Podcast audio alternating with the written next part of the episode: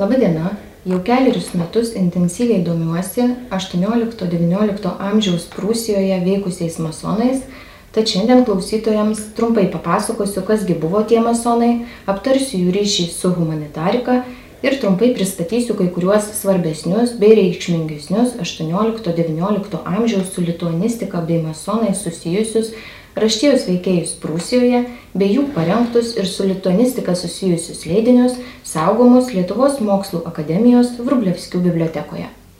Švietimo epochą pritraukusią mąstytojų, filosofų, rašytojų dėmesį reikėtų laikyti draugijų amžiumi ir filosofijos šimtmečiu.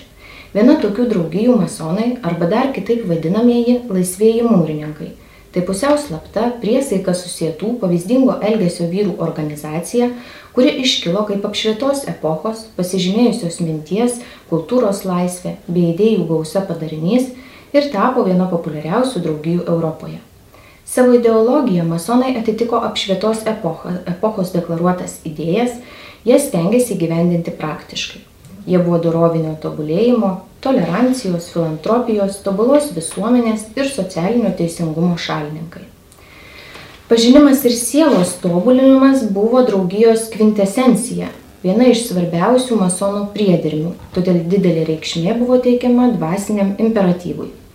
Masonams buvo itin svarbus dvasinis asmens tobulėjimas, nuolatinis vertybių ugdymas, humanistinių idealų akcentavimas, kiekvieno žmogaus vidinio pasaulio gerinimas. Taip pat daug dėmesio buvo skiriama švietimui. Būtent jo rėmimas buvo vienas iš svarbiausių masonų draugijos prioritetų ir filantropinių siekių. Masonų ložėse susitikdavo įvairiems luomams priklausantis ir įvairias konfesijas išpažįstantis vyrai.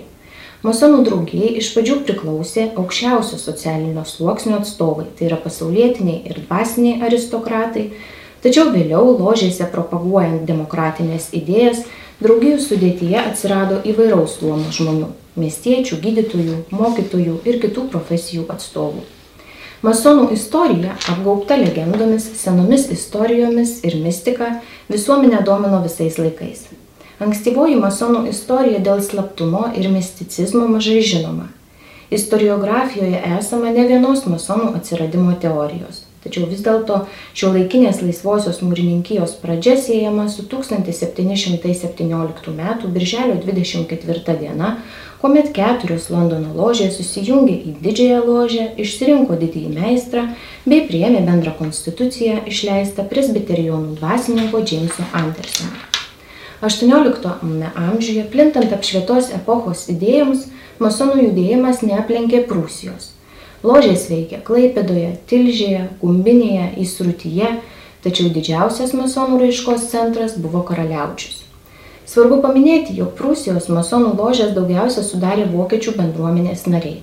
Kaip užsiminta, ložėms priklausė didelė dalis Prūsijos inteligentijos atstovų žinomų valstybės tarnautojų, universiteto profesorių, mokytojų, kunigų, gydytojų, muzikų, spaustuvininkų, pirklių ir kitų.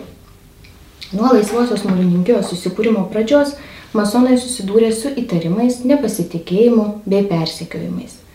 Slapta laisvųjų mūrininkų draugija formavosi mistikos pagrindu, todėl visuomenėje jie buvo vertinami gana kontroversiškai.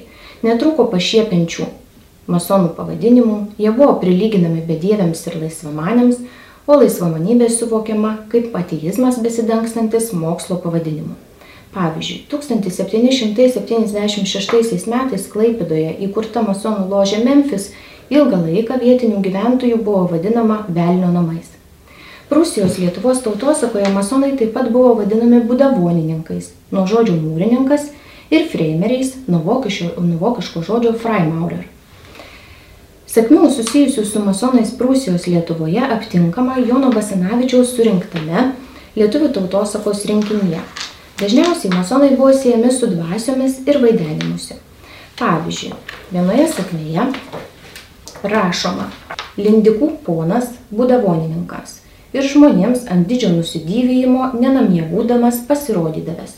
Žmonėms gana tikrai žinant jį nenamie, bet iškeliavusį esant, tai jis jiems ne tik pėšęs, bet ir važiuots pasirodydavęs ir iš pokių vėl išnykdavęs. E, kitoje sakmėje rašoma Pilkalnio pavietę, nekurį Jonaičių būdavonininką Viliūnų sklepe palaidojus matydavę baltą šunytį, tarp moterų sulų bažnyčioje beladžiojantį.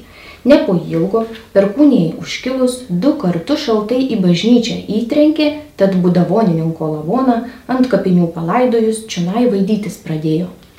Taigi, kaip matome, ir tų sakmių iš tiesų yra nemažai, e, tačiau toliau norėčiau pakalbėti apie e, masonus ir jų ryšį su lituanistika.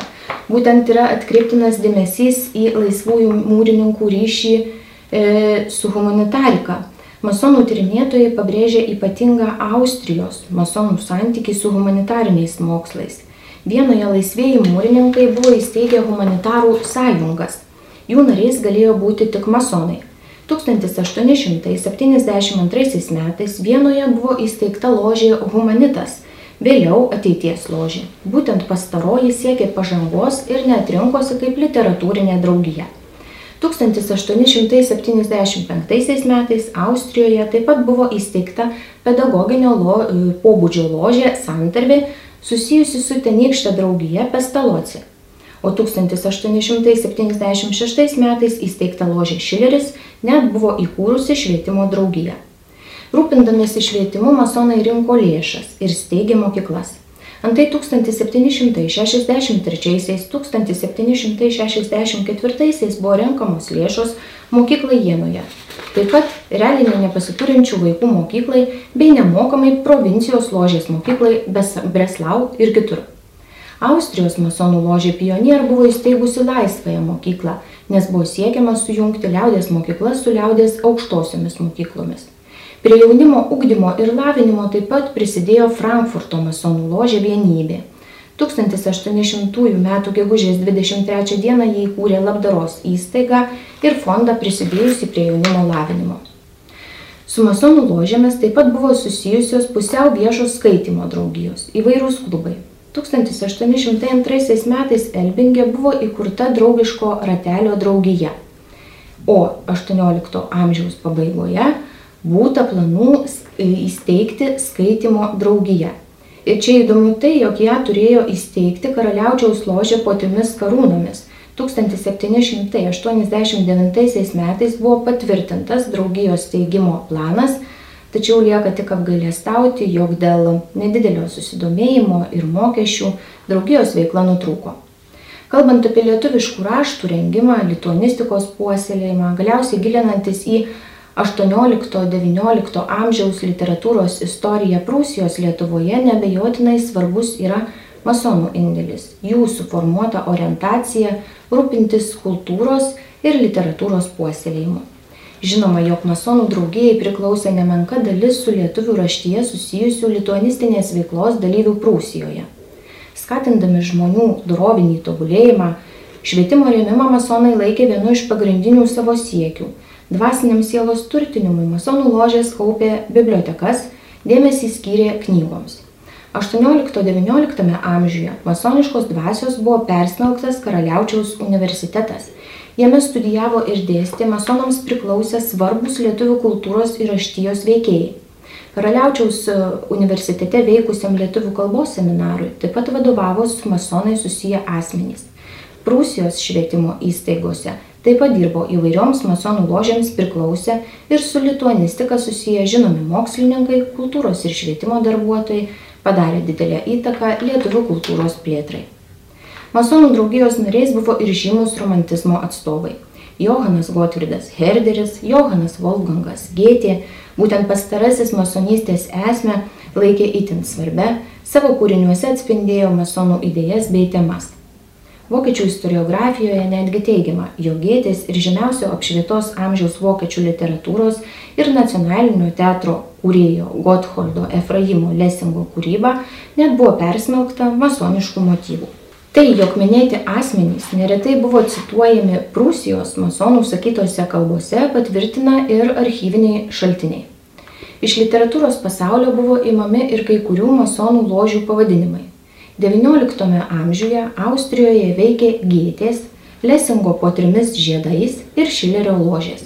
Jos kleidė humanistinio švietimo idėjas, reiškusias pasaulietinį išsilavinimą, pabrėžusias žmogaus proto galę, laisvos asmenybės ir jos individualumo ūkdymą.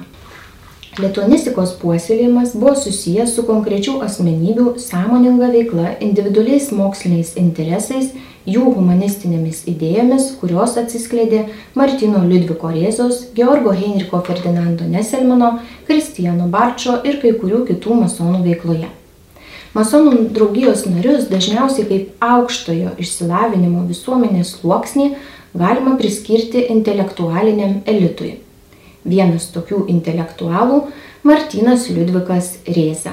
Ne tik vienas garsiausių lituanistų lietuvių istorijoje, bet ir garsus karaliaučiaus masonų ložės narys, stebinantis, stebinės ir vis dar tebestebinantis savo interesų platumu bei atliktų darbų gausa. Rėzos veiklos, jo literatūrinių užmojų spektras išties platus - nuo religinių raštų rengimo iki pasaulietinių grožinių kūrinių, ir folkloristikos publikavimo. Rėzos e, priklausimas masonų draugijai fiksuotas e, ir paliudytas ne tik archyviniuose rankraštiniuose šaltiniuose, bet ir enciklopediniuose masonų leidiniuose. Visuotinėme masonų žinyne pabrėžtas Rėzos indėlis į lietuviškumo puoselėjimą, į lietuvių kalbos mokymą, o pats Rėza apibūdintas kaip ištikimas masonų draugijos narys iki mirties. Įdomu tai, jog masonų ložėje sakytose kalbose pats Rėza teigia, jog laisviesiams mūrininkams ypatingai svarbus dvasinis gyvenimas ir dvasingumas, o masonystė pasak jo esanti visų mokslų mokslas, visų menų menas ir visų mokyklų mokykla. 1811 m. birželio 14 d.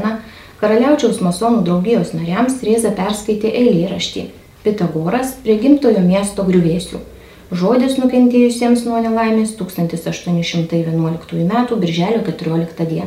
Vėliau 1825 metais būtent šios eilės buvo išspausdintos Rėzos eilėraščių rinkinyje Prutena.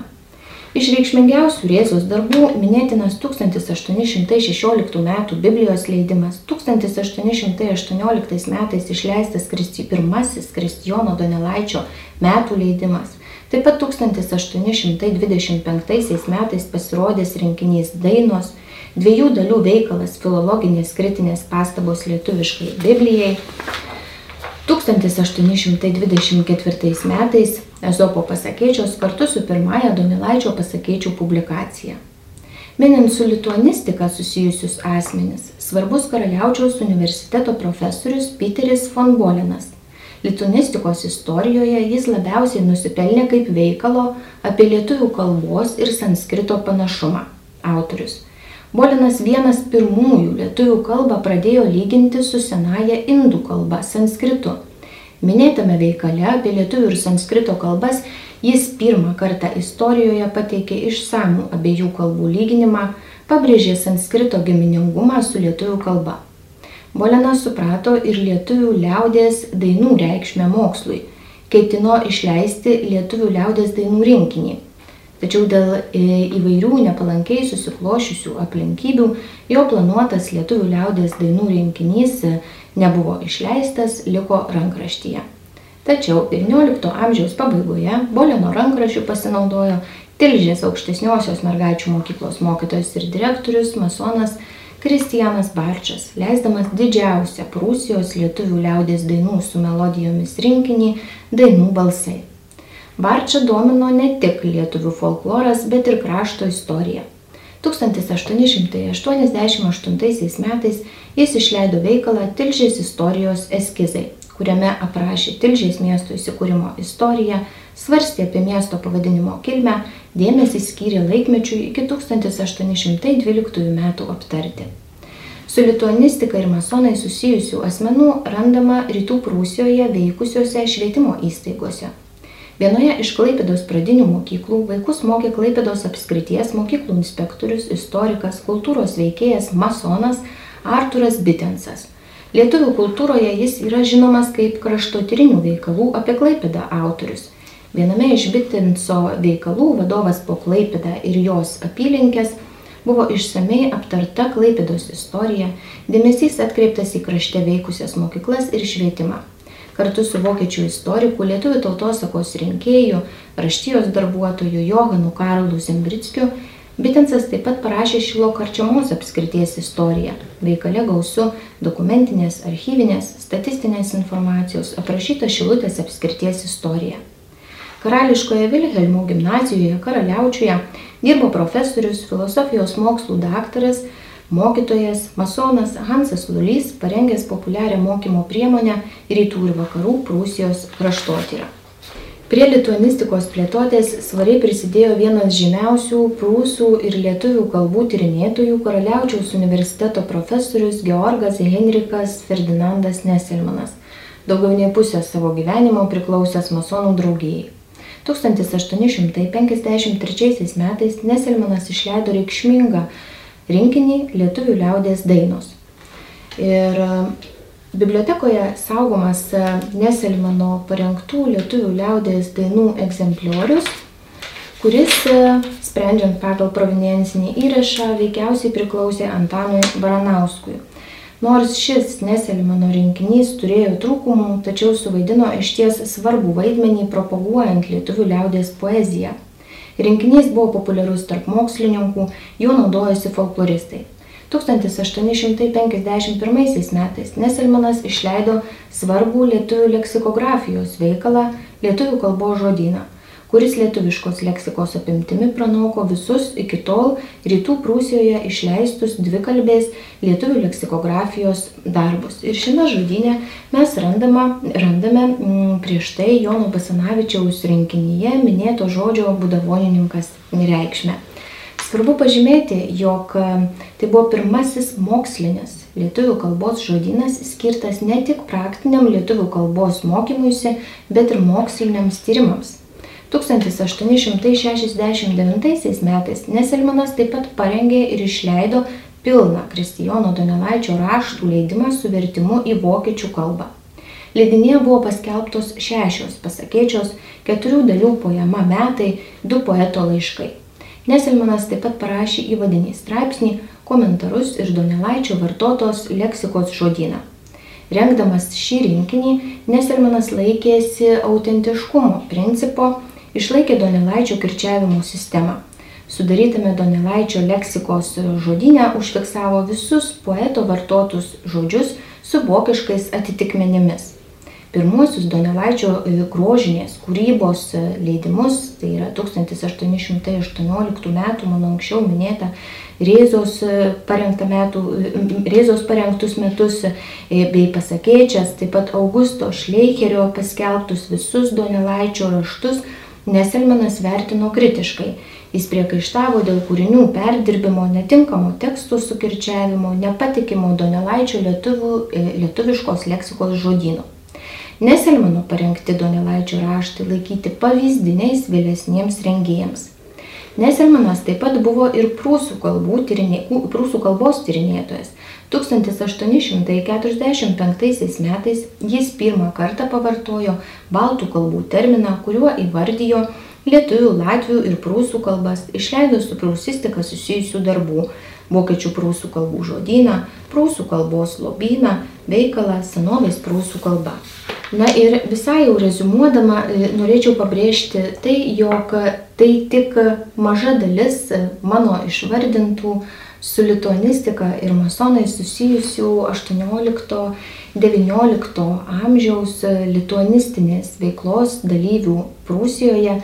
Tačiau atidos vertas pats faktas, jog tai, jog masonai tarpusavyje mesgė ryšius ir bendruomeniškumą, glaudžiai tarpusavyje bendravo ir bendradarbiavo, publikavo ar spausdino su lituanistika susijusius darbus, tai iš ties prisidėjo prie svarbios lietuviško dvasinio paveldo dalies išsaugojimo, padėjo pamatus tolimesniems su lituanistika susijusiems moksliniams tyrimams, na ir galiausiai atliko masonišką šviečiamąją pareigą.